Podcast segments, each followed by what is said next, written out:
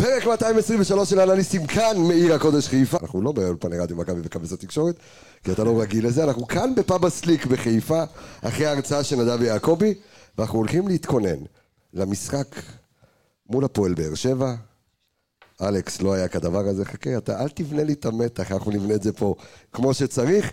אנחנו uh, יוצאים לדרך עם פרק מיוחד, פרק משוגע. פרק שיסחוף אתכם כל הדרך לאיצטדיון, מי שנשאר בבית נשאר בבית, אנחנו נדבר על מה קורה בחיפה, למי שלא השיג כרטיס לגמר, תפסיקו לשלוח לי הודעות, אין כרטיסים, אז פתיח, יצאנו לדרך.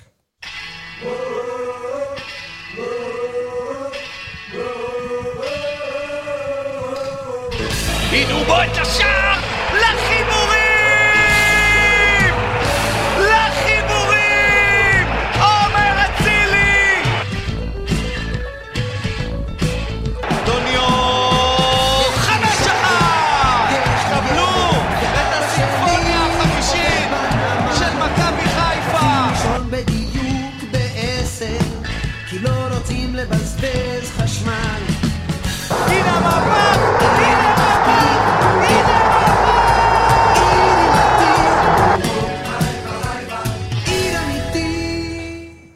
עשית ככה עם הסלייד אה, אור עמיגה. אהבת אז את החיקוי? קודם כל, שלום לכם, אה, קודם כל פאב הסליק, כל מי שנמצא איתנו כאן, אני מיד גם אעבור עם המיקרופון אחד-אחד, אני רוצה לשמוע מה אתם חושבים לקראת המשחק מחר. אה, שלום לאנליסטים שלי, שלום לך, אור עולה בבוקר עמיגה, מה אתה קורה? מזכיר לי את אייל גולן בקיסריה. אתה- אה, כן? אתה מטייל עם המיקרופון. ככה, אז אני חייב, יש לי הפרעות קשב וריכוז, אני חייב לעמוד, חייב להסתובב. אביאל זמרו, מה קורה?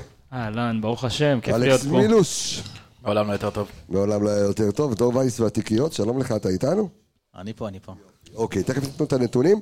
אה, ערן יעקבי חזרת? יופי, תודה רבה. אה, ומיד גם יהיה איתנו נדב יעקבי, אנחנו נתכונן לקראת המשחק.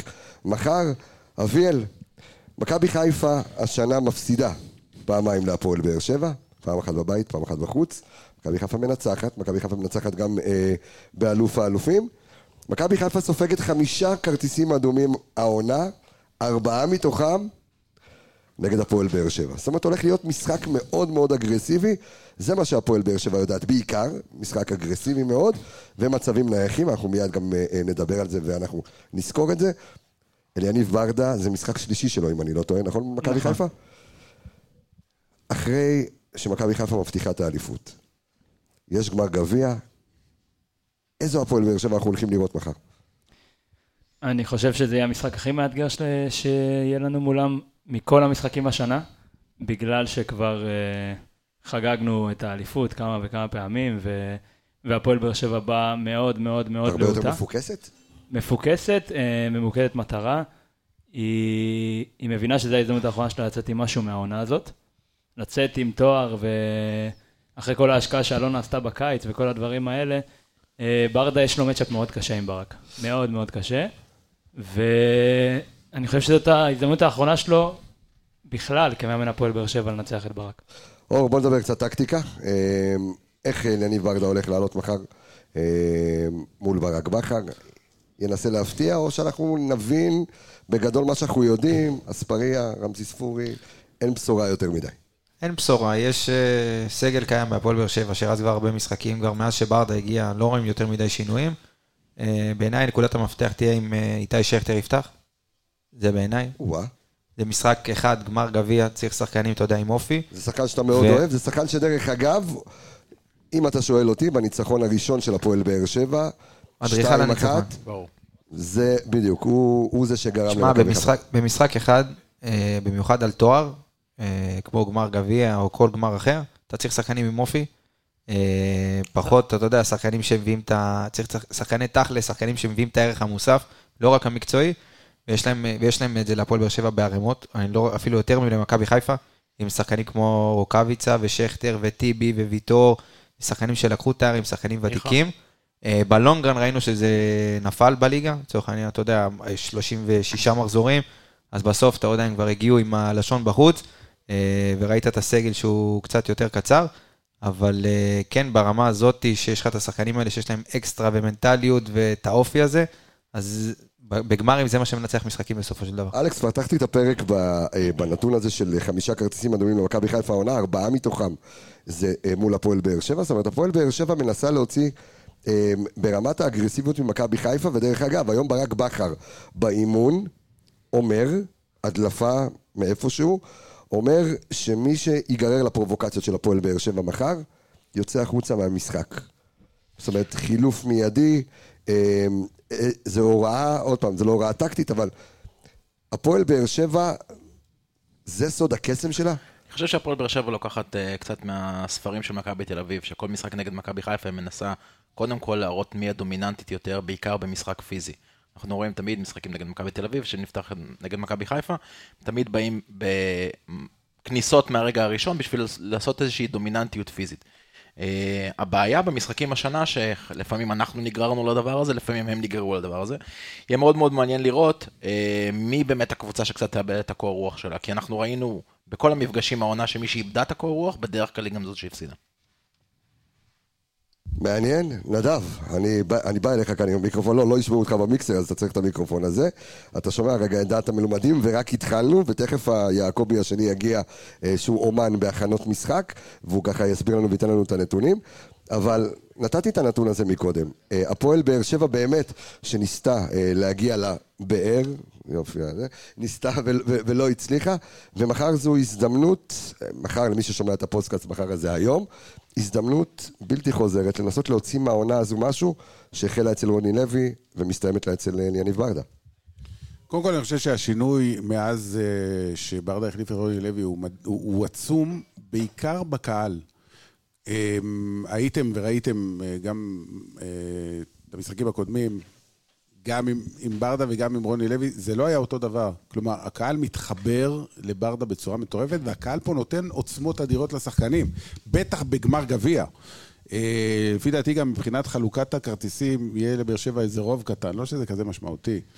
אה, עשו, עש- לא, לא, עשו, איזה הגרלה בגלל החלוקה של ה... אה, שהיציעים הם לא זהים, אז הייתה הגרלה איזה קבוצה תקבל יותר כרטיסים, ובאר שבע קיבלה איזה אלף יותר. שוב, זה באמת חסר משמעות.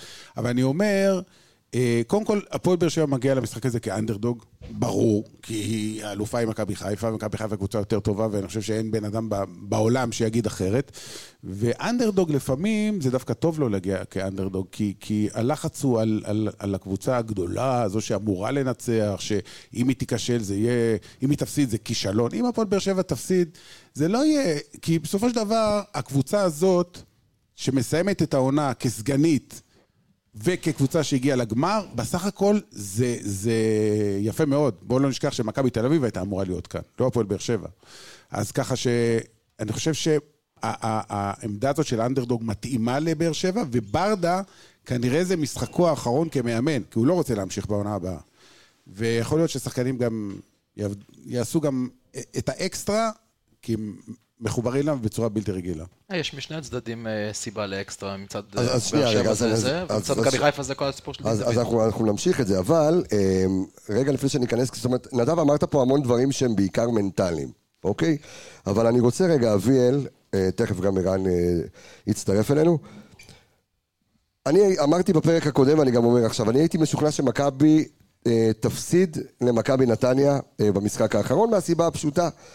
מכבי נתניה, אה, לפחות עד המשחק הזה, עושה את משחק הלחץ הטוב בליגה, קבוצה חזקה מאוד, ואז הגיע ברק בכר, ומשחק 3-5-2, משחק בקו 5, והורס לבן עילם את כל מה שהוא תכנן. מכבי חיפה מפרקת את מכבי נתניה 4-0, שליטה אבסולוטית, ראינו את אה, שון גולדברג משחק בלם שמאלי, פלניץ' וחוסה רודריגז ועוד עשר אה. ש- ש- שנתן באמת אה, אה, הצגה. האם אתה ממליץ לברק בכר להמשיך עם ה-352 כי זה היה נהדר מול מכבי נתניה, או שאנחנו מסתכלים על הפועל באר שבע וזה לא משהו שכדאי לעשות.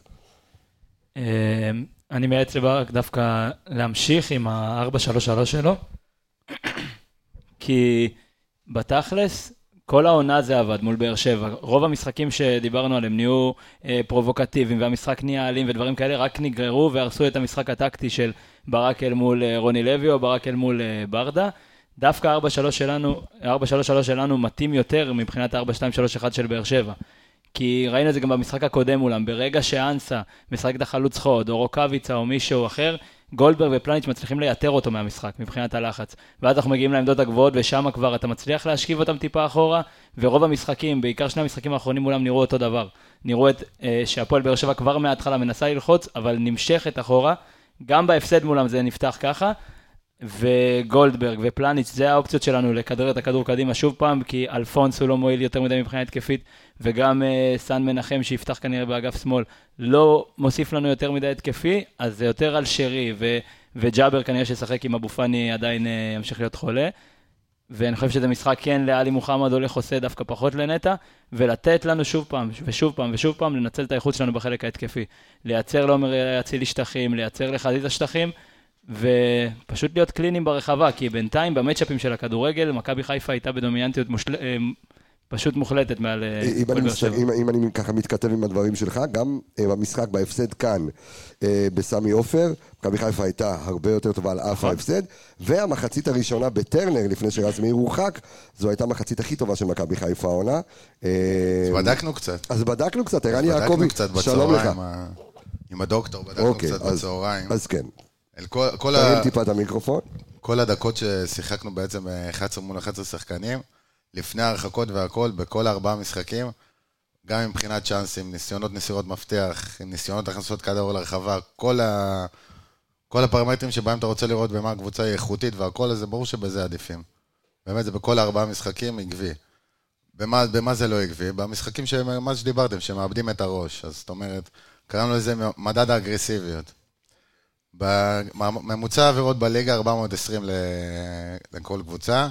מכבי חיפה מתחת לממוצע 405, נגד כל הליגה בערך 11 עבירות למשחק, נגד באר שבע יותר מזה, 14. אוקיי, הממוצע בארבעה משחקים בעצם, מכבי חיפה מבצעת אה, 14 עבירות דווקא נגד למשחק. באר שבע. עכשיו, באר אוקיי. שבע רביעית בממוצע של העבירות בליגה בכלל. ממעל הממוצע 420, מ-442. בצהובים 85. מכבי מתחת לממוצע 81. ממוצע למשחק בלי בש, שני צהובים למשחק. מול, אה, מול באר שבע בלבד, ארבעה צהובים, מעבר לכל ה... ארבע מחמש אדומים זה? אוקיי, אז, אז עוד פעם, נגדם. אבל השיטה היא, כמו ששאלתי גם את אלכס מקודם, השיטה היא, זאת אומרת, להוציא את מכבי חיפה מאיזון, להוציא את מכבי חיפה מבלנס, לבוא, לתת את הקטנה, לתת את הגליץ', להוציא לתת מכות, מהמשחק. כן. זה גם, זה גם עוד... כל הפרובוקציות וכל האלה. כן, זה גם עוד נקודה שאני אמשיך את הדברים שאביאל אמר. מול נתניה איטי מאוד המערך, כי השלישייה של נתניה יכולה ללחוץ בעצימות גבוהה מאוד קו אחורי, וגם יכולה ללחוץ ולהמשיך עם כל הקווים, עם קרצב בעיקר, ללחוץ גם את הקישור שלך. באר שבע אנחנו רואים העונה שלא עושה את זה, מה שהם עושים זה הם יותר מפעילים את הלחץ שלהם באזור קו ה-40 של ההגנה, כשהכדור מגיע לשם, כשהם מנסים לבנות מסודר, שם מתחיל הלחץ שלהם. ולכן אני מסכים לגמרי, אני חושב שהמערך שעבד נגד נתניה פחות יעבוד נגד באר שבע. אה, ויותר דווקא ה-4-3-3 הקלאסי שלנו, שבהם אנחנו יכולים ללחוץ בשתי קווי לחץ, עם השלישייה הקדמית ואז עם הקישור שמצטרף ללחץ הזה, יעבוד הרבה יותר נגד השיטה של באר שבע, לפחות מה שראינו אותה העונה.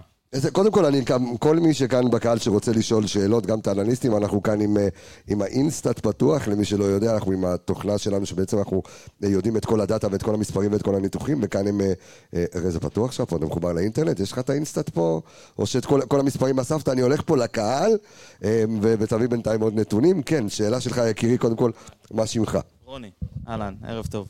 שתי שאלות. אחד, קראתי היום איפשהו על המלצה לעלות עם חזיזה במקום אלפונס, חשבתי, תגידו מה דעתכם על הרעיון הזה, כמגן, זה משהו מעניין. דבר שני, אם במידה ופוקס יעלה במקום ג'וש, איך זה ישפיע? אז אוקיי, עצרנו קודם כל, השאלה הראשונה, אני מנסה להבין אותה, כי אלפונס מגן ימני, חזיזה מגן שמאלי, ולעזור, אוקיי, מוזר לי, מישהו מתחבר לזה? השאלה מי מי היה הממליץ? מי היה הממליץ? מי- מי- מי המליץ? אוקיי, אז לדעתי תבחר- באיזשהו אתר. אז תחסום את הבן אדם, סתם. אני, כי- יכול להיות ש... יכול להיות שגם אה, רודריגז יכול להיות במגן, ואז אה, חזיזה בצד השני. אז אני, אוקיי, אני, אנסה לענות גם על אה, זה. אז שנייה, ת- כן, אה, עמיגה? תענה אני- ל- אני לדבר פחות הזה חושב ש- שבגמר גביע כן. אה, הרפתקאות מהסוג הזה זה משהו ש- שברק ייקח. אה, מה גם שדולב, לא זוכר באיזשהו שלב, הוא עבר הרבה תפקידים, חוץ, אתה יודע, מגן בצד ימין, בשלישייה. מגן אה, בשלישייה, אבל בקו שמאל, זה, זה קצת שונה, במיוחד שאצילי הוא הדומיננטי בקו, זה, אתה יודע, זה להתרגל לקיצוני שאיתך אה, כבר הרבה מאוד זמן. לגבי פוקסי, תשמע, זה שוער שקיבל חצי שעה ראשונה בבוגרים, שער נקי כל העונה. כן. אה, אבל, שמע, זה, זה מעמד שהוא, כאילו, בחלום הכי מתוק של כל שחקן זה לקבל, אה, בט- בטח שאתה לא מצפה, כן, אה, גם זה פעם, לדעתי אולי פעם ראשונה שקבוצה מגיעה לגמר בלי לספוג, נכון. אבל אה, באמת, במעמד כזה שמר- זה... רועי משפטי שמר על שער נקי כל כל הדרך אה, עד לגמר. זה מאוד מאוד חשוב, אתה יודע, גם אם, לצורך העניין, גם לא יודעים אם הוא יפתח עדיין. אז אם היית יודע שהוא יפתח, אז באימונים זה להרים לו את הביטחון ולתת לו, אבל כשאתה מגיע למשחק הזה, הפעולות הראשונות שלו יהיו מאוד מאוד חשובות. אה, אתה יודע, כל, אפילו כדור גובה הכי פשוט שהוא יצא אליו, הוא יתפוס אותו, זה, זה משהו שייתן לו את הביטחון. זה שוער שלא שיחק בבוגרים, לדעתי, חוץ מהחצי שעה הזאת בכלל. ולקבל משחק רשמי ראשון שאתה פותח בו בגמר גביע המדינה עם כל המשמעות ולחץ וקהל וטדי ומה שאתה רוצה ולא רוצה, זה, אתה יודע, או להיות הכי גדול, או ליפול ולהתעסק. אם- אם כבר אותו הבן אדם ששמעת את ההמלצה שלו בטוויטר, יותר הגיוני לשים את חזיזה שוער, במקום משפטי, אני- מאשר, במקום מה. שהצעת, אבל כן, תמשיך אלכס. אמ, לשחק עם חזיזה באחד, באחד הקווים, זה קצת גם לשחק לידיים של באר שבע, כי כל שחקן שהם ישימו שם מולו, יהיה לו יתרון פיזי סביר להניח, גם סביר להניח שיתרון של מהירות, ואתה בעצם, הדבר היחיד שאתה תעשה מזה, זה אתה תחזיר את חזיזה מאוד מאוד אחורה. עכשיו, כל העונה אנחנו ראינו שחזיזה יעיל בדיוק על המשבצת שהוא מקבל את הכדור שם ולעשות את המהלך שלו, או לחתוך, או לנסות לעבור את השחקן. לקחת אותו יותר אחורה, אתה בעצם כמעט לחלוטין מנטרל צד אחד של המגרש. זה לא, אני לא הייתי הולך על זה. אבל גם כל, כל ההתקפות של באר שבע, גם במשחקים האחרונים, זה היה עם מנסה, עם ארוכים, על הבלמים וכאלה, ואם אתה תשים שם את אה, חזיזה והוא לא שחקן הגנה, הוא לא יסתדר עם כל זה. אנחנו דיברנו על זה אגב בפרק הקודם, שב-4-0 המפורסם של ליברפול שהפכו על ברצלונה, כשיטה, קלופ פשוט זרק את כל הכדורים, כדורים גבוהים על אלבה שהיה נמוך יותר מהשחקן שלו, ויצר מזה שלושה שערים. דרך אגב, אתה- קבוצות יודעות לנצל יתרון כזה מאוד מהר. דרך אגב, אפרופו שחקנים נמוכים, הזכרת לי, אה, ישראלביץ'? שהעלינו, ישראלביץ' זה היה השחקן היחיד על פני כדור הארץ שהיה עוצר פס על החזה. זה היה באמת גאון בתחומו, אה, עד שירד לך הגג, אתה, יופי, תודה. ירד האסלה, עכשיו, ירד הכדור. לא, אפרופו, אפרופו, אפרופו, אה, תגביר אותי טיפה, זהו, כן. אה, אפרופו שחקנים נמוכים, היום העלינו כתבה אה, באתר שלנו, באתר רדיו מכבי. העלינו כתבה על וייזינגר, אנחנו על גיא וייזינגר, מאמן השוערים והנייחים של מכבי חיפה, בעצם על הדרך שהוא עשה החל מהפועל חיפה, דרך הפועל כפר סבא, דרך הפועל באר שבע עם שלוש האליפויות, ואז במכבי חיפה עם אליפות שנייה, ועל ערך המוסף של גיא וייזינגר, גם בספיגה, בספיגה מועטת של שערים ממצבים נייחים, בכיבוש הכי הרבה בליגה, אם אני לא טועה, אה, אה, שערים ממצבים נייחים, ומה שיותר מורכב, זה איך אתה מצליח לייצר שערים ממצבים נייחים, כשמרבית השחקנים שלך שמבקיעים אותם, הם שחקנים נמוכים. הם השחקנים הטכניים שלך. שזה אה, צ'רון שרי, שזה אבו פאני, אה, לאו דווקא מקררים גבוהים שאתה זורק עליהם כדורים ו, אה, ומכ, ו, ו, ומכניסים את השערים הללו. אה, וזה אחד הדברים שעובד עליהם במכבי חיפה, אתם יכולים ללכת אה, ולהקשיב, אה, סליחה, ולקרוא. וגם להקשיב, אנחנו גם נספר על הדברים שהוצאנו היום ברדיו מכבי, את המרצ'נדייז שלנו, אנחנו גם מיד נדבר על זה, אבל אני רוצה רגע לחזור לכדורגל. אם יש עוד שאלות, תרגישו חופשי. מור דהן המתבייש, כן? אגב, כן, גיא וייזינגר, רגע, שנייה, שנייה, שישמעו אותך, כי זה פודקאסט וצריך לשמוע את זה, כן. הנה האנקדוטה קטנה לכם. גיא וייזינגר אוהד שרוף של הפועל חיפה, אני לא יודע אם מישהו יודע את זה. אבא שלו, דורון וייזינגר, מנהל קבוצה מיתולוגי של הפועל חיפה. הוא שיחק בילדים של הפועל חיפה, הוא לא היה שוער דרך אגב, וייזינגר, הוא היה שחקן שדה. אוהדים שרופים שרופים של הפועל חיפה, גם הוא וגם אח שלו שאימן בעפולה, לא יודע אם הוא עדיין מאמן שם. הוא אימן, הם- הוא אימן גם אימן- בנוער גם אימן של מכבי חיפה, הם כבר לא אוהדים של הפועל חיפה, אולי בעברם. הוא- התחיל אה, בהפועל, טל גם- בנין גם נתן שון לו. גולדברג היה השרוף של מכבי תל אביב, הוא כבר לא, אבל בסדר, אתה יודע, כל אחד- כל אחד בעברו, אבל נכון, אה, גם בכתבה דרך אגב מוזכר שהוא החל את דרכו בהפועל חיפה, אנחנו שואלים למה אין הפועל בחיפה, אבל זה אנחנו פחות אה, נתייחס לזה. דיברנו על וייזינגר, על מה, עוד פעם, אני מהפרעות ונייחים, כן, אנחנו נמשיך. דור וייס, יש לך מה להגיד על על המשחק? תשב פה בשקט. אז כן, אתה צופה, אבל אתה יודע, מחר יש לך אירוע גדול. דרך אגב, דרך אגב, נספר למאזינים שלנו ולאלה שככה איתנו כאן הקהל בלייב, שמי שלא השיג כרטיס לגמר, אני לא יודע אם נשארו מקומות, מחר אנחנו, רדיו מכבי והאנליסטים, הרמנו לכם יחד עם אתוס ועיריית חיפה בהיכל הספורט ברוממה צפייה על מסך ענק, במסך שיהיה במרכז אה, מרכז המגרש, על הפרקט, וצוות אה, הפודיום, פודקאסט הפודיום, יחד, אורלי יוספוביץ' וניר צדוק, יחד עם אלכס מינוש מהאנליסטים ודור וייס, אה, יעבירו לכם גם כן לפני המשחק, במחצית, ובסיום המשחק פרק מיוחד עם הקהל. כבר, אם אני לא טועה, למעלה משלושת אלפים איש הבטיחו את מקומם בהיכל מחר. הולך להיות קרנבל, נקווה שנסיים עם אה, גביע ביד. עוד יציאה. קשה מאוד. איך? עוד יציאה. אה, כן, זה עוד יציאה, כן, עשינו את זה שנה שעברה בגן האם, מחר בהיכל הספורט אה, רוממה, ואתה דור וייס תהיה שם, אה, כמה אה, דור וייס והתיקיות, כמה נתונים שלך בבקשה. שומעים אותי? כן. דיברנו על הנייחים של אה, באר שבע. כן. אתה רוצה תיקייה? כן. בדקתי מתוך 36 מחזורי ליגה. משחקים של באר שבע, הם עלו ליתרון 19 פעמים. מתוך ה-19 פעמים, 4 פעמים עלו ממשחק רץ, ליתרון, 15 פעמים עלו ממצב נייח. זאת אומרת, אה, אנחנו יודעים שזה הכוח שלהם. אנחנו אה, יכולים אם ללכת, אתה נראה לי. מסתכל, טילה הם כבשו, כן. הם כבשו 53 שערים בליגה, זה בערך מתחלק אה, חצי-חצי, 26 במשחק רץ, לעומת 27 מ- מנייחים. אם אתה משווה את זה למכבי חיפה שכבשה הכי הרבה בליגה, 79 שערים, 60 ו- 61 שערים במשחק רץ, לעומת אה, 18 מנייחים, שזה בערך 23 אחוז. אה, רואים שזה הכוח של באר שבע, אה, משחק, אה, משחקים, משחק נייח, וזה מתחבר גם לאם פוקס יפתח. מאוד חשוב אם יתפוס את ה... יקלוט את הכדור הראשון השני, וזה ייתן לו ביטחון לש- לשער. דור וייס והתיקיות, תמיד עושה לי טוב בלב. אה, אממה, השאלה, אביאל, אם אה, זה מה שיש, אנחנו תכף חוזרים לנדב ויעקבי, זה, האם זה מה שיש להפועל באר שבע להציע מחר? זאת אומרת, אם בעיקר מה שיש לה להציע העונה, זה שערים אה, ממצבים נייחים. עכשיו, אין שם איזושהי תורה שלמה, אפרופו מה שדיברנו על גיא וייזינגר. אה, רוני לוי, זאת אומרת, זו הייתה השיטה שלו, אה, יניב ברדה המשיך עם זה. אין שם, אתה יודע, כאילו עובדים על מצבים נייחים והכל, אבל עובד, עובדתית, כמו שאומר כאן דור וייס, מחצית מהשערים שלהם דרך מצבים זה נייחים. ברור, אבל שזה מספרים שדווקא כן מראים עבודה. זו קבוצה ש, שידעה את היתרון שלה ב, בתחילת העונה, שזה משחק שבטח אם רוני לוי הלך למקום של אה, יותר מאבקים, יותר נייחים, להרוויח את הנקודות, להרוויח את, את, את הניצחונות שלהם ב, ב, בצורה קשה, והנייחים זה משהו שהתחיל עם בנאדו. שעבד עם צוות האנליסטים שלהם, ו- ובאמת הם הרכיבו לעצמם איזה סט של מצבים נייחים, ו- והם פחות מסתמכים על נייחים קצרים כמונו, שאמרת, אנחנו לוקחים את זה על הרצפה, כי יש לנו שחקנים יותר uh, נמוכים, uh, מנסים לשחק יותר על הדשא, מנסים ל- ל- ל- להוציא את היריבה מהמקום שלה ולהפתיע. הם הולכים דווקא, כן, מיקומים ברחבה, חסימות אחד לשני, איתן טיבי, אה, ויטור, אלחמיד, ויטור, ויטור רוקאביצה. לרחוב, זה עוד מהתקופה שבכר אימן שם בערך. וגם במשחק הקודם שם, מכבי חיפה נזהרו לא לעשות עבירות בכלל בחצי. הייתה עבירה אחת שם במ- במהלך כל המחצית.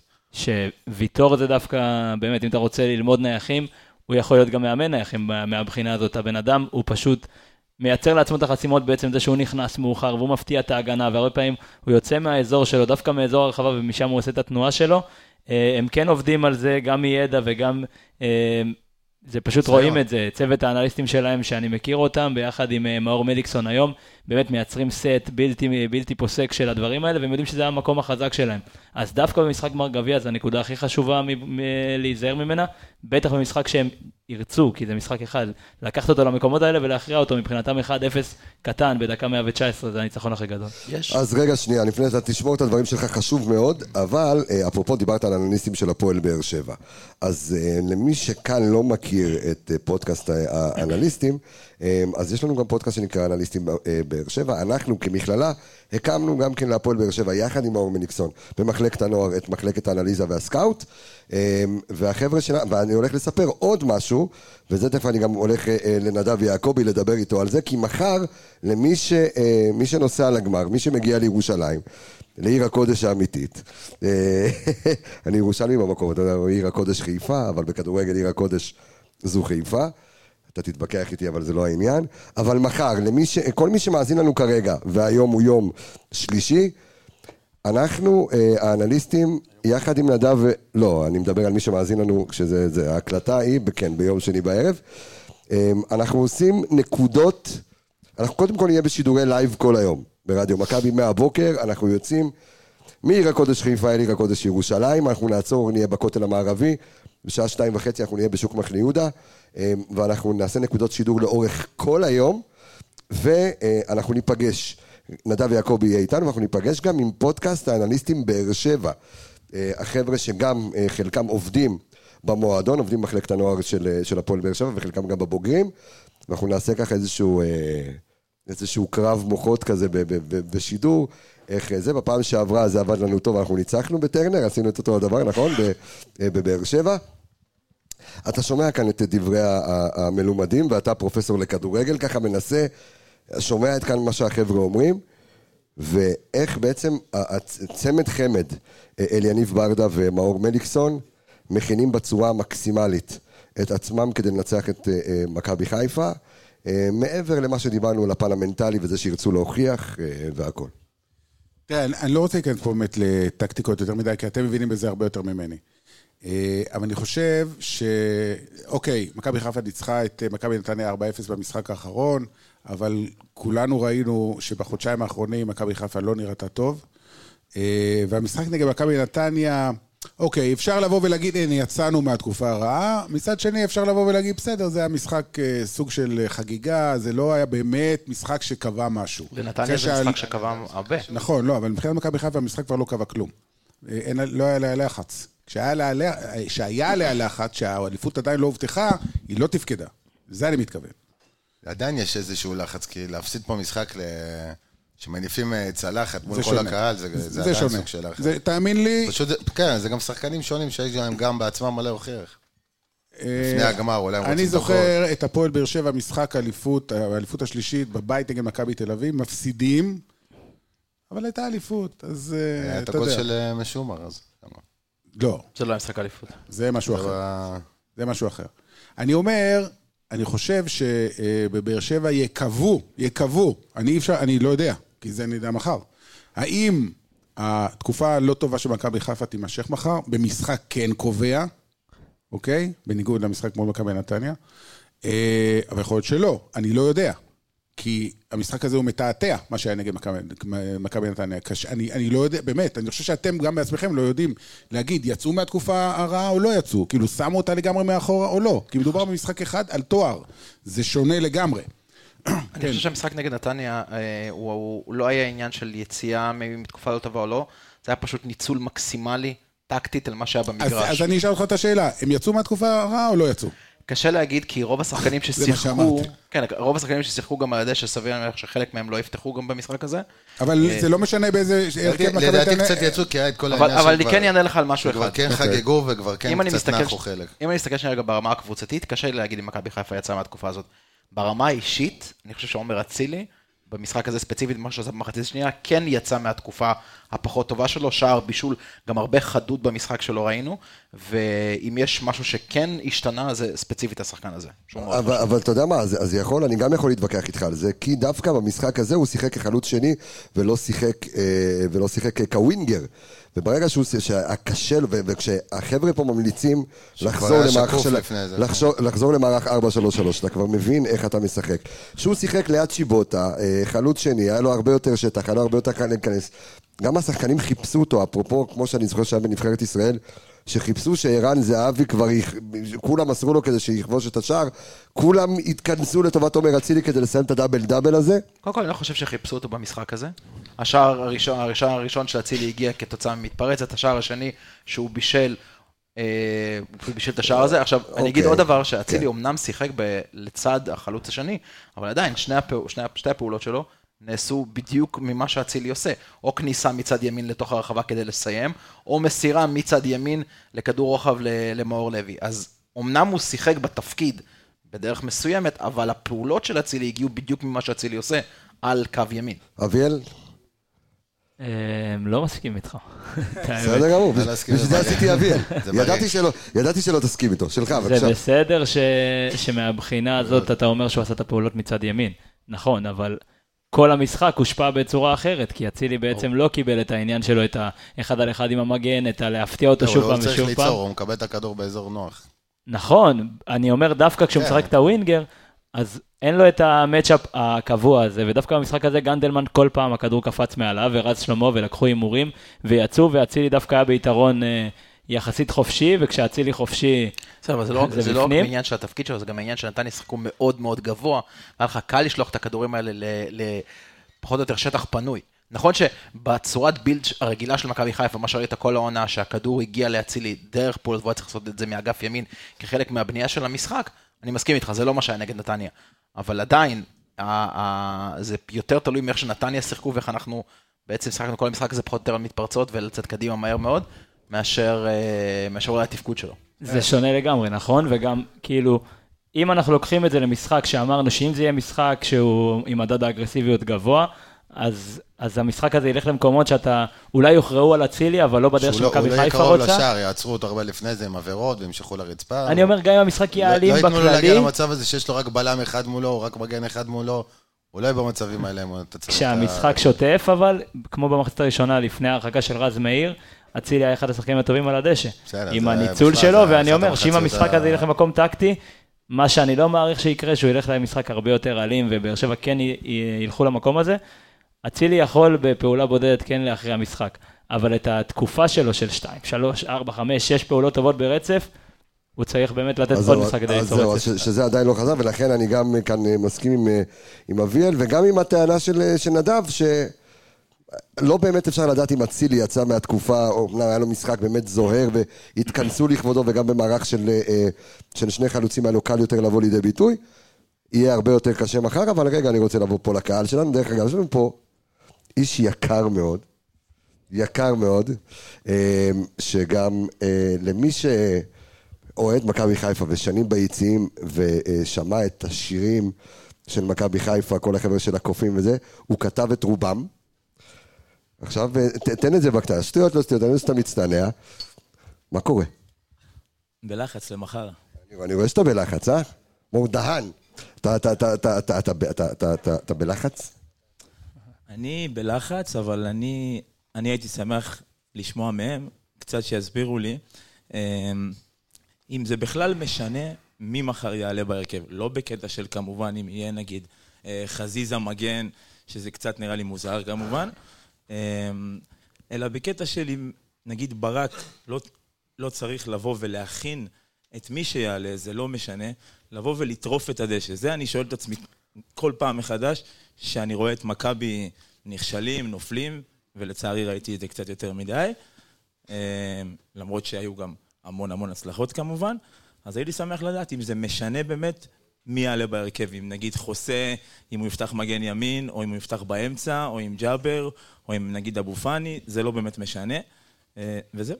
קודם כל אני חולה על האוהדים שלנו וגם עליך, ואני אוהב את השאלות האלה, כי זה שאלות, שאלות טקטיות ש- שמעניינות. אה, אראה, אתה גם רוצה להגיד, קודם כל ש- שמך בישראל. גיא. היי גיא. כן, בסדר גמור. כן, השאלה שלך, יקירי. אה, כמו, כמו אנליסטים, אני אגב אצלך ב- במכללה, אה, מלמדים לאסוף מכל מיני מקומות, ואחד הדברים, אני בתור אוהד, מה לי יש לאסוף? יש לי לאסוף מכל מיני אה, מקומות אחרים, אז זה לא, זה לא טוויטר אה, של מתחרים שלכם, אני יודע מי. אה, מה זה טוויטר של מתחרים? לא. אותה הצעה- אותה הצעה של לשים את חזיזה בצד ימין החור. אתה מבין, אתה נמצא במקומות הלא נכונים, אני לא יודע על איזה מתחרה הוא מדבר. ב- בוא, בוא נלך ליקיר המכללה לקופר, עם אה, ראיין את דיוויד בפודקאסט. את- אדם דיוויד בה- בהכל מקצועי, נכון. נכון, ו- ושם אחד הדברים שמדברים זה על איך מכינים את השחקנים, וזה ההקשר שלי לשאלה הקודמת. התחושה היא, זה לא עניין של יציאה מתקופה טובה או לא טובה, כי בעצם הרבה פעמים, גם כשאנחנו שומעים אתכם, אז אנחנו אומרים, רגע, הקבוצה עולה בדיוק כמו שאמרתם, וזה לא עובד. ואתם מנסים להבין איפה, ודווקא הנקודות שאדם דיוויד אמר, איך מכינים את השחקנים, ומצד אחד, עוד מקום שהם לוקחים, אה, אה, בכר אמר לפני כמה משחקים, אולי אנחנו, הצוות המקצועי, הוריד את הרגל מהגז בללחוץ על השחקנים להתכונן, וזו באמת התחושה שיכול להיות שמה שראינו בנתניה, וראינו את זה גם אה, נטע, גם אלפונס, גם, גם סאן, ראינו ממש הכנה מעולה למה שעומד מולם. הם פשוט, הפעולות הפיזיות שלהם, שהם שמו אקסטרה, גם אם לא עזר בפעולה הספציפית, הוציא שחקנים של נתניה מה, מהמשחק. אז בעצם התחושה שלי, כמו, כמו שאמרו פה קודם, זה בעצם לא בטוח ו- ומתקשר גם למה מה שנדב אמר, זאת אומרת, אני, אני לא חושב שהיציאה מהתקופה הרעה של מכבי זה העניין פה, כמו זה שהנה ראינו סוף סוף הכנה פרטנית של כל שחקן ושחקן למה שהוא הולך לפגוש. ומה שראינו אגב במשחק הקודם מול באר שבע, ראינו את אבו פאני מאבד את זה כי שחקנים אחרים, וגם הוא לצורך העניין, הוא איבד את זה, אבל כי שחקנים אחרים לא היו מוכנים כמו שצריך למה שהם עמדו לפגוש. תשמע, קודם כל אני פותח לך פודקאסט משלך, כי אני מנסה זה, אז ש... לא, לא, הכל, הכל בסדר, הכל בסדר, יקירי. אחלה שאלה, ואני גם מחבר אותה גם לשאלה של מור, ואני, ואני מבין מאוד את השאלה. קודם כל, ברמה המנטלית, זה נכון לשאול את זה. משנה מי ישחק? אז כן, לדעתי. תכף המומחים יגידו. אז אני חושב שהדברים, השאלות הן מתקשרות. זה משולב, נכון. הן מתקשרות כי למה? כי יש לך שחקנים שהם יותר מועדים לפורענות. אם זה חזיזה, אם זה אבו פאני, אפילו קצת חוסה. שהנה אבו פאני, אבו פאני עם שני אדומים העונה, אחד מבאר שבע, אחד מנוף הגליל, על אותם שטויות. אז אה, יכול להיות שבעצם זה שבאר שבע באים, אתה יודע, אם אתה מתכונן לקבוצה, והם קבוצה אגרסיבית, והם מחפשים להוציא מריכוז ומפוקוס, והם יבואו לחפש קצת את אבו פאני, אז הוא יכול ליפול בזה. אז אולי, אולי גם אם הוא בריא, עדיף לוותר עליו במשחק הזה. חזיזה גם, משהו דומה. בהתחלה, בדרך כלל רוב השחקנים, והיה את זה עם אה, לופז, איזה שני משחקים שעל ההתחלה, הוא מחפש אותו, פשוט ככה, הוא מחפש לו את הרגל על שנה ההתחלה. שעברה עם ג'סווה, שכל הזמן מכבי חיפה חיפשו איך להוציא אותו מהמשחק. ג'וסוי בתקופה שלו, גם כל הליגה חיפשה אותו, גם ביתר חיפשו את זה, וכל הקבוצות חיפשו אותו. ברגע שאתה מחפש את השחקנים האלה, אתה מוציא אותם מאיזון, אתה מוציא אותם מהפעולות של האחד על אחד, אז זה גם יכול להיות שעדיף לוותר על שחקן כמו חזיזה, או על שחקן כמו פאני במשחקים האלה. ובעניין של ההכנות, כאילו אם לקשר את זה למשחקים הפחות טובים וההכנות הכביכול פחות טובות שהיו, אני חושב שמכבי הייתה במקום די נוח, פתאום היה להם, אתה יודע, סוג של אופוריה, אנחנו בעשר ניצחונות רצופים, משחקים סבבה, הכל טוב ויפה, פתאום עלו על השטן, משחקים מול- מולך בסגנון אחר, לוחצים אותך, אתה צריך פתאום להמציא משהו חדש, ונפתח הפער, אז זה נראה כאילו, אתה יודע, קצת נחו, ואם אומרים את זה בעצמם, אז קטונתי. אבל אני- אני רוצה רגע להמשיך את דבריו ו- ו- ולומר לגבי ההכנה, וגם תכף אנחנו גם ניגע בשאלה שלך, כי זו שאלה, שאלה מאוד מאוד טובה. אמ, אני חושב שמכבי נהייתה מאוד צפויה. זאת אומרת, יכול להיות שההכנה הייתה אותה הכנה, אוקיי? וזה נכון, אולי היה נכון לשחק למעט מול נתניה 4-3-3 מול, אה, מול הקבוצות הללו, אבל מכבי נהייתה מאוד מאוד צפויה. וכשאתה מאוד צפוי, אני אוסיף לזה את, המצב המנטלי דווקא של ברק בכר, אחרי שהוא איבד את, אה, את אחיו. אה, אז את ראית שבקלות היה אפשר להוציא את, את מכבי חיפה גם מהכלים וגם אה, מהאיזון הטקטי, זאת אומרת, מאוד צפוי, הכל מאוד פשוט, אה, וזה משהו ש... קבוצות לא גדולות הוציאו אותך מזה, הפועל ירושלים, בדיוק, נוף הגליל. נוף הגליל. לא- קריית שמונה. ואחר כך גם הגיעו קבוצות גדולות כמו הפועל באר שבע, בסדר? אה, והצליחו, והוציאו, אה, והצליחו לא להפתיע אותך, אבל הצליחו פשוט לעצור אותך. המשחק מול מכבי נתניה, דווקא בגלל שאתה ראית מוכנות טקטית, ראית שינוי. עזוב רגע את ההכנה, ראית משהו שונה.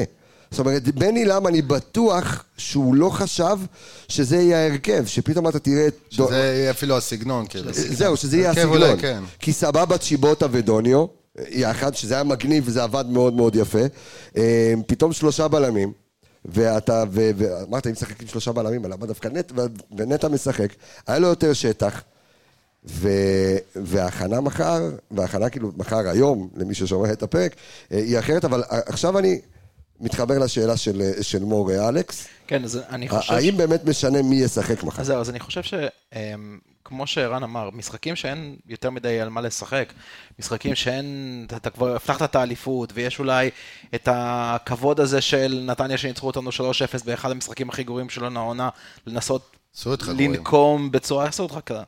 אבל אני חושב שמבחינת הכנה מנטלית, שחקן שעולה לגמר גביע, אה, אם מישהו צריך להכין אותו מנטלית למעמד הזה, אני לא בטוח שהשחקן הזה נמצא במקצוע הנכון. זהו, יכול להיות שאחד שהוא חמור מוח צריך דווקא להרגיע אותו. בדיוק. בעצם זה שאתה מרגיע אותו, אתה...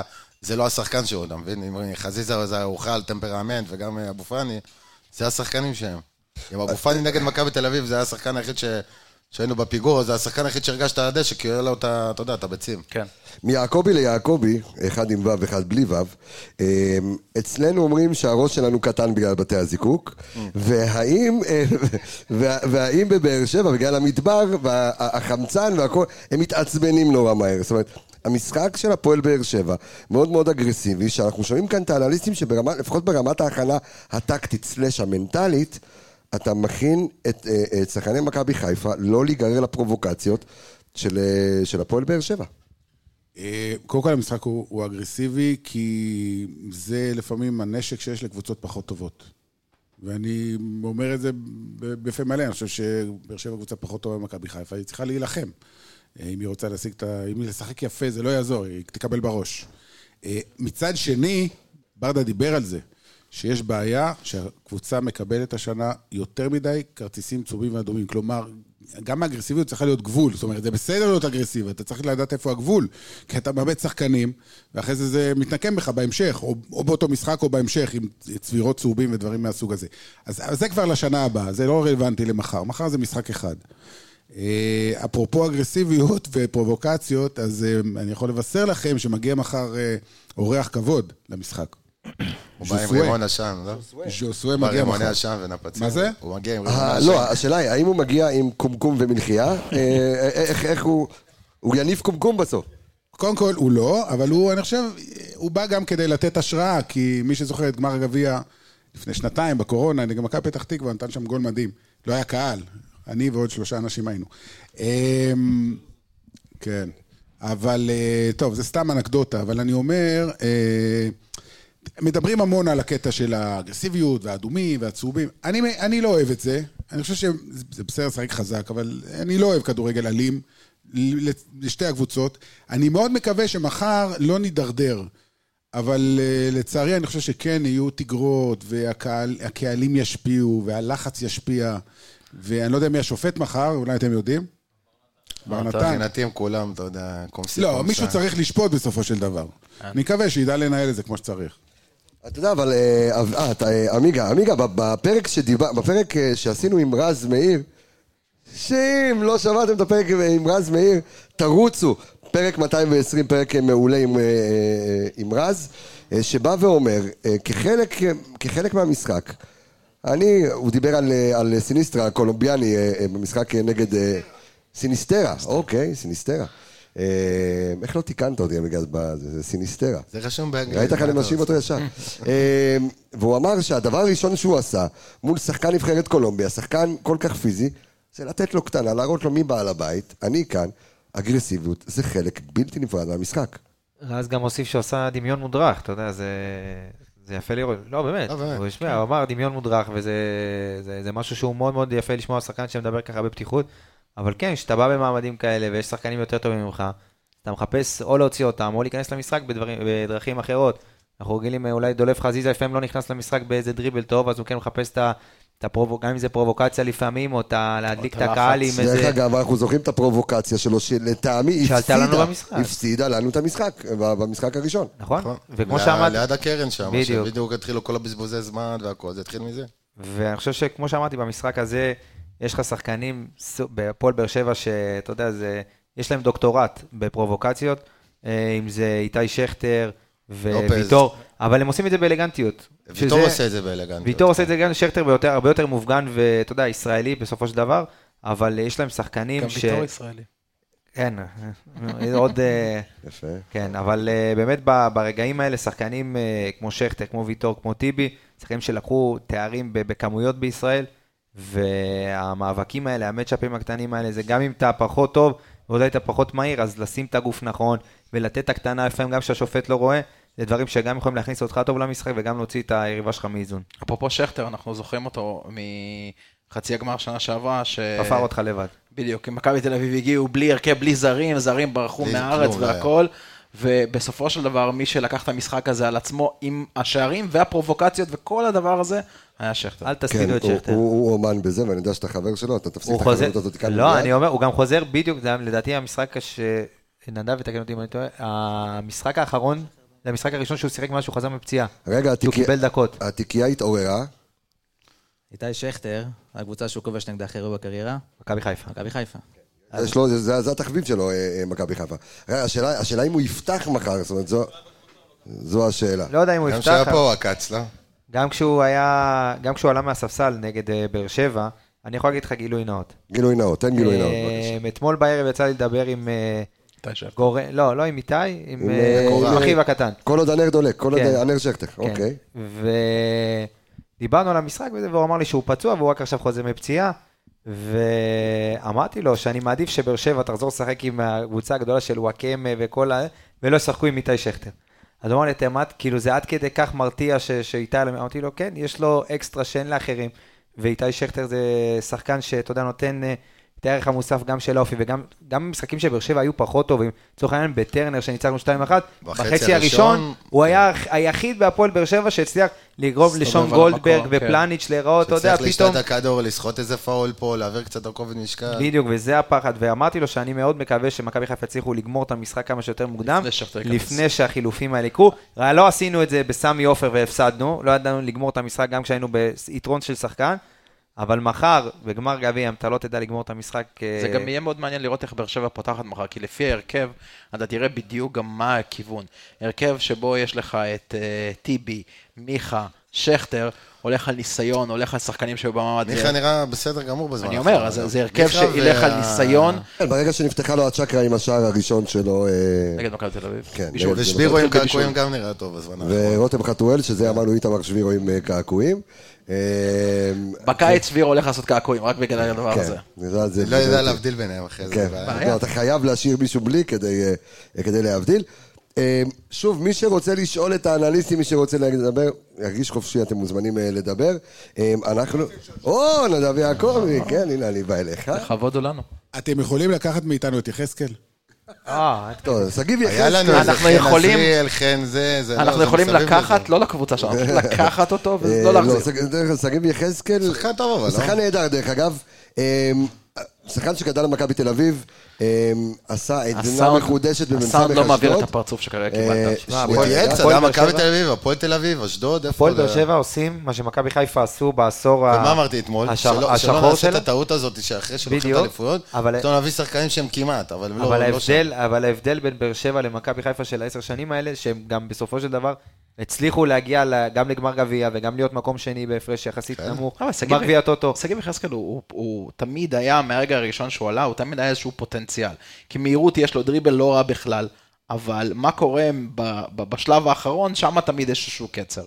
וזה בעיה, כבר עוד קבוצה ועוד קבוצה ועוד קבוצה, וזה לא? מתחבר ולא מתחבר ולא מתחבר. באשדוד היה-. באשדוד היה לא נוח. עמית זנתי כאלה, זה סוג של, זה סוג של... כן, פוטנציאלים שאף פעם לא התממשו, והפועל באר שבע, אתה יודע, השנה עשו, הם, גם אם זה קלט, כל השנים האחרונות של באר שבע, כאילו היו... קלטין אותו זה סיג- ב- קלטין זה במונופול שהם משחקים, שיחקו איזה כמה עונות עם ביתר, תקנה לי ואני מוכר לך ותקנה לי ואני מוכר לך. כן, הם כמה מיכאל אוחנה ו- ו- וכאלה, כל המשחקים של... מיכאל אוחנה זה... כל. המשחקים של... עוד נקודה תראה. כל השלישייה של אלונה, ג'קי ו- ומשה חוגג, טוב, גם משה חוגג כבר לא שם, אבל... הוא כן שם. אה, הוא כן שם. עוד נקודה מעניינת, ואנחנו תכף כן. נגיע לנושא של הרכבים וכאלה. בדיוק אנחנו עוברים לזה. אני חושב שיהיה מאוד מעניין לראות איך, איך קבוצות שעלו עם שני הרכבים, אה, אה, טלאים כאלה, הרכבים אה, של לשמור לרגל, על, השחק, על השחקנים על הרגליים. אה, אנחנו לא עלינו לא עם אצילי ולא עם שרי, ופלניץ' שחק מחצית, וגם באר שבע עלו עם הרכב, לא עם הרכב שהם יעלו, אני חושב שלפחות... ועדיין ניצחו את ארבע- סכנין. בסדר. גם אה, אנחנו ניצחנו אותם 3-0. כן. גם ל- שש. דרך בלי אגב, לעלות בכלל. למי, למי, למי נתנו את השערים? זה הולך לאף אחד? זאת אומרת, יש שחקן היום, יש כאילו בטבלה של ה... לרועי פוקס. בסטטיסטיקה של אה, ליגת העל, אף אחד, שלושה רועי שערים. פוקס קיבל שלושה שערים. או אפשר להעביר לו את השערים הללו. כן. בקיצור, מה שאני אומר, זה יהיה מאוד מעניין לראות. אתה משחק לפני, אתה רוצה לשמור על הרגליים, אבל אז אתה מכניס שחקנים שלא שיחקו. עכשיו, מכבי חיפה, שחקן כמו שרי, הוא כבר לא שיחק שני משחקים, זאת אומרת, זה גם סכנין שלא היה, נתניה, שהוא לא שיחק, ועכשיו אחרי שני משחקים כאלה, שאתה כל הזמן נמצא באיזשהו איזשהו כושר משחק, איזושהי עצימות מסוימת, אתה עכשיו צריך להיכנס להרכב. אבל זה בפער של כן, שבוע, זה לא שבוע יותר מדי. זה לא- לא משנה, זה עדיין-. זה- אני דווקא חושב שזה כן יכול לעבוד לטובת מכבי. חיפה, כי לצורך העניין עכשיו, כי שרי זה שחקן של, גם אם הוא לא משחק, הוא שחקן של מעמדים גדולים, אבל, חייב משפט, אבל, כן. במידה וברק בכר ירצה לעשות שינויים ולהכניס את החילופים שלו, אם זה דוניו וצ'יבוטה וג'אבר ונטע, שכולם עשו משחק טוב. אז. פתאום אתה מסתכל על הספסל ואתה אומר, הם בזון אחרי המשחק האחרון, אז יש לי גם קלפים גם אם לא ילך לי. כן, דרך אגב, אתה דיברת על ג'אבר שמבחינתי אנחנו נתחיל להרכיב את ההרכבים, מבחינתי הוא צריך לפתוח אה, אה, מול הפועל באר שבע בגמר, אבל דיברת על צ'רון שרי על הקוסם, וזה מביא אותי אה, אה, למי שככה... לעשות אה. ב- מישהו- לעשות כסף. כסף. למי שעוקב אחרינו ברשתות, אה, גם בפודקאסט שלנו וגם אה, אה, באינסטגרם אה, ובפייסבוק רדיו מכבי כמובן והאנליסטים, אז הענקנו ממש במשחק, אה, משחק האליפות, משחק ההכתרה, הענקנו לצ'רון שרי ציור מטורף של ציירת מדהימה בשם נטלי כהן, אה, עשינו אותו על זכוכית אקרילית והענקנו אותו, תואר, הוא זכה, אתם בחרתם בו כזר העונה, אה, והענקנו לו את זה, תמונה אה, באמת מדהימה.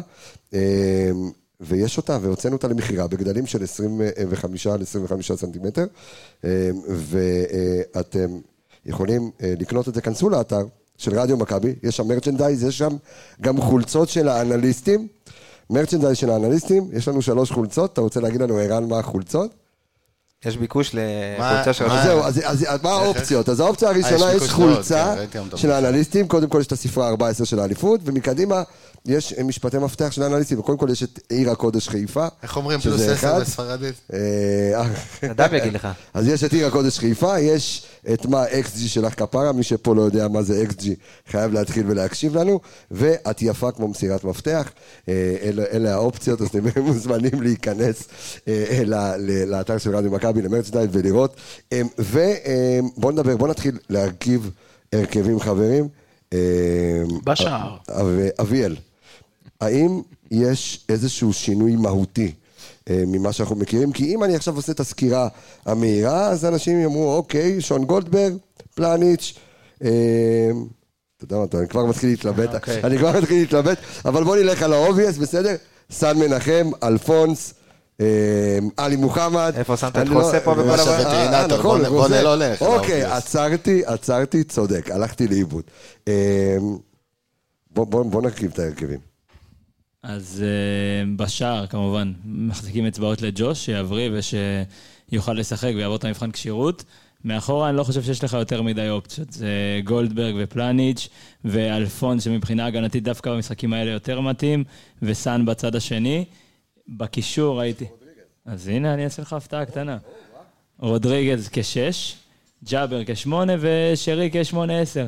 כי, תשמע, ג'אבר במשחק האחרון זה, זה סוג המשחקים ש, שתפורים עליו, כי אם אבו פאני, ראינו אותו מקבל את הצהוב הראשון מהאדום שלו במשחק הקודם, אחרי שהוא לא היה ממוקם ונתן שם את המכה, ועשה את כל העבירות האלה מחוסר מיקום ומחוסר ערנות למשחק.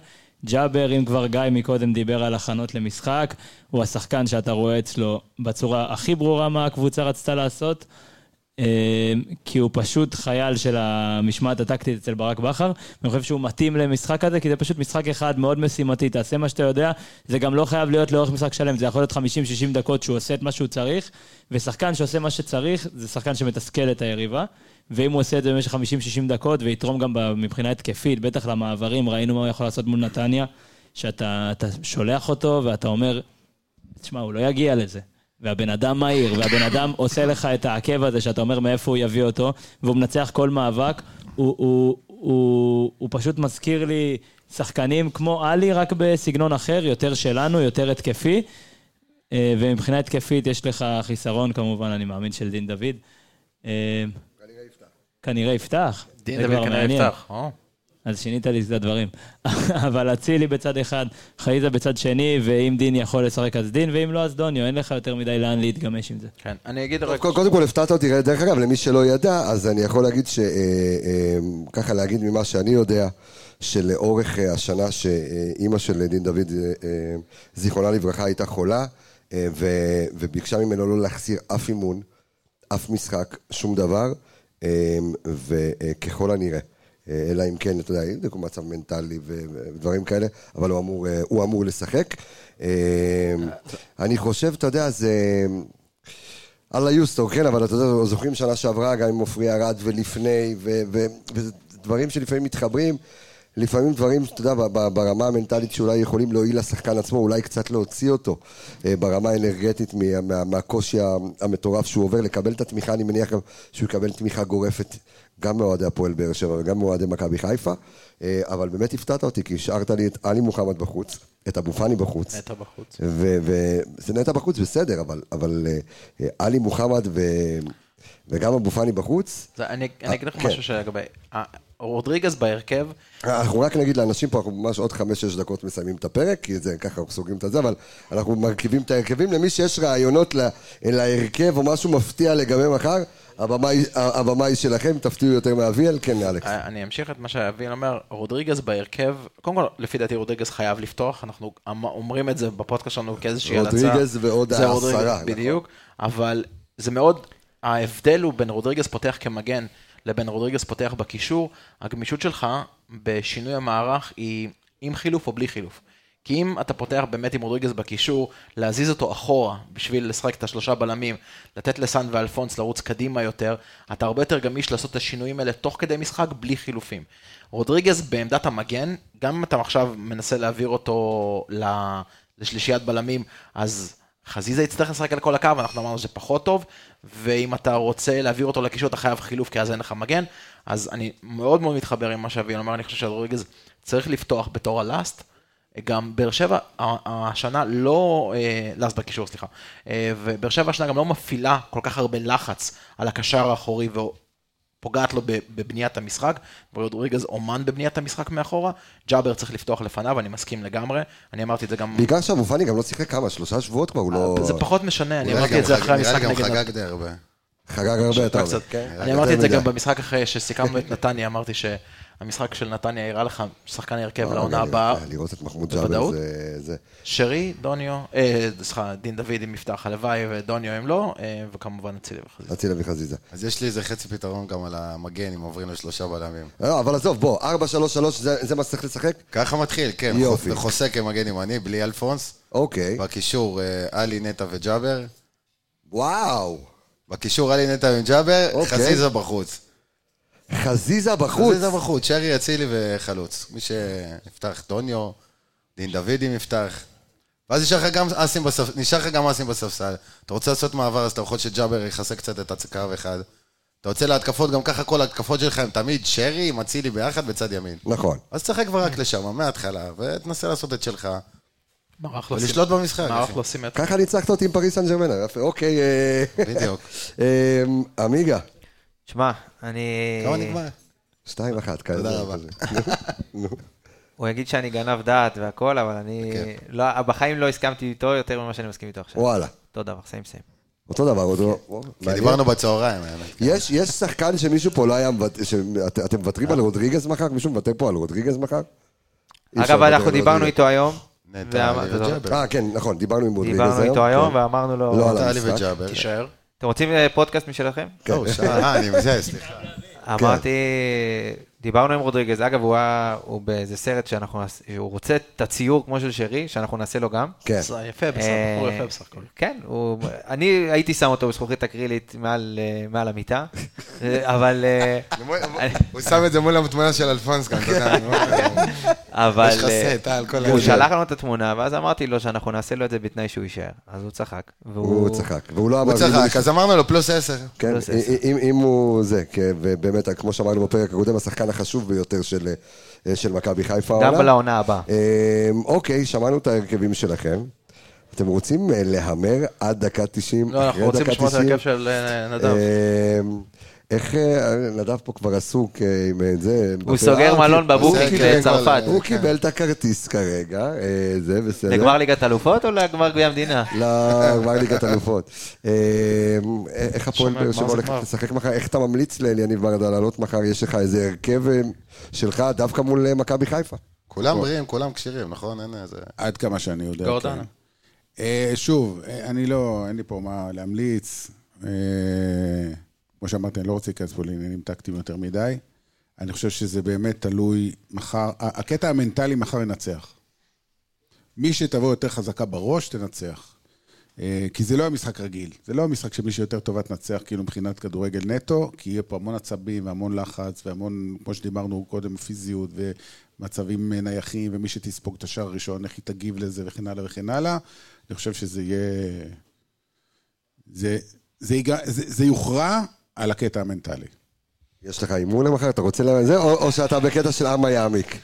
רגע, מביאים גביע מחר? כל הפחדנים, או, או, אתכם אני אוהב. כל הכבוד. אל תשאל אותם להימורים, אל תשאל כן, אותנו. אה, אתם רוצים להמר עד דקה קדימה. 90? אחרי דקה 90?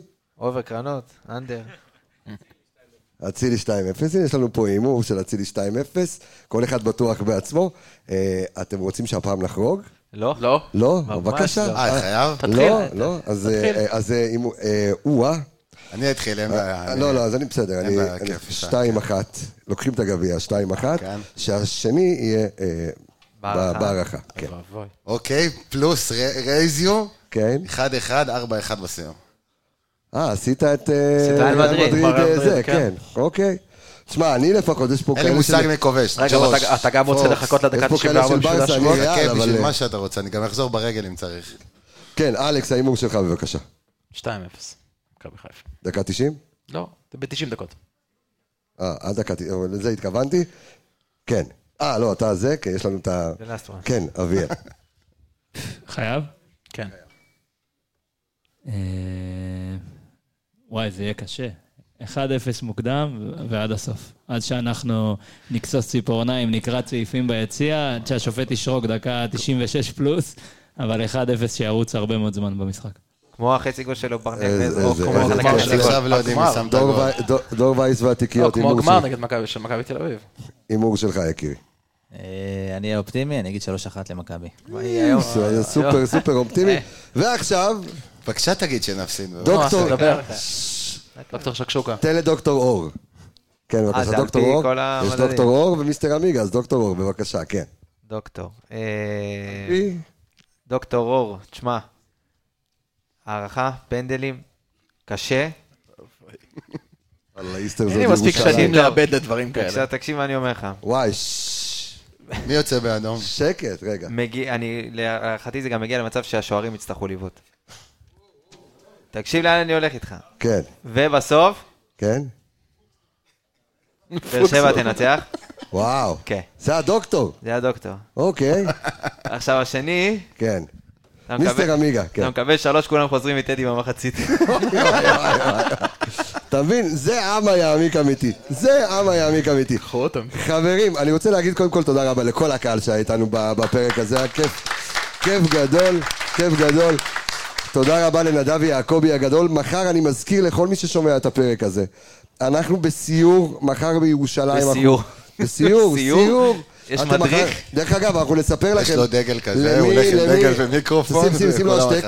אמ, ל- לספר לכם שבגביע הקודם עשינו סיור בירושלים אמ, והגענו כבר, הגע, היינו בשוק מחנה יהודה ב-2016 כמעט עשרת אלפים איש בשוק עצמו אז מחר אנחנו אה, נתחיל את שידורי הלייב שלנו ברדיו מכבי איך? אותו תאריך, או-אה, או-אה. אז אנחנו מחר מתחילים את הסיור, כמובן, יוצאים, אה, אנחנו יוצאים כביש 6, אחר כך הכותל המערבי, שוק מחנה יהודה, אולי עוד איזה מקום לפני כן, ואז. אצטדיון טדי. אה, אז אני רוצה להגיד תודה רבה לכל מי שהיה פה, נדב יעקבי הגדול, תודה רבה דור וייס והתיקיות, אביאל זמרו, אור עמיגה, ערן יעקבי, אלכס מילוש, אני רפאל קבס החברים, ביי ביי להתראות.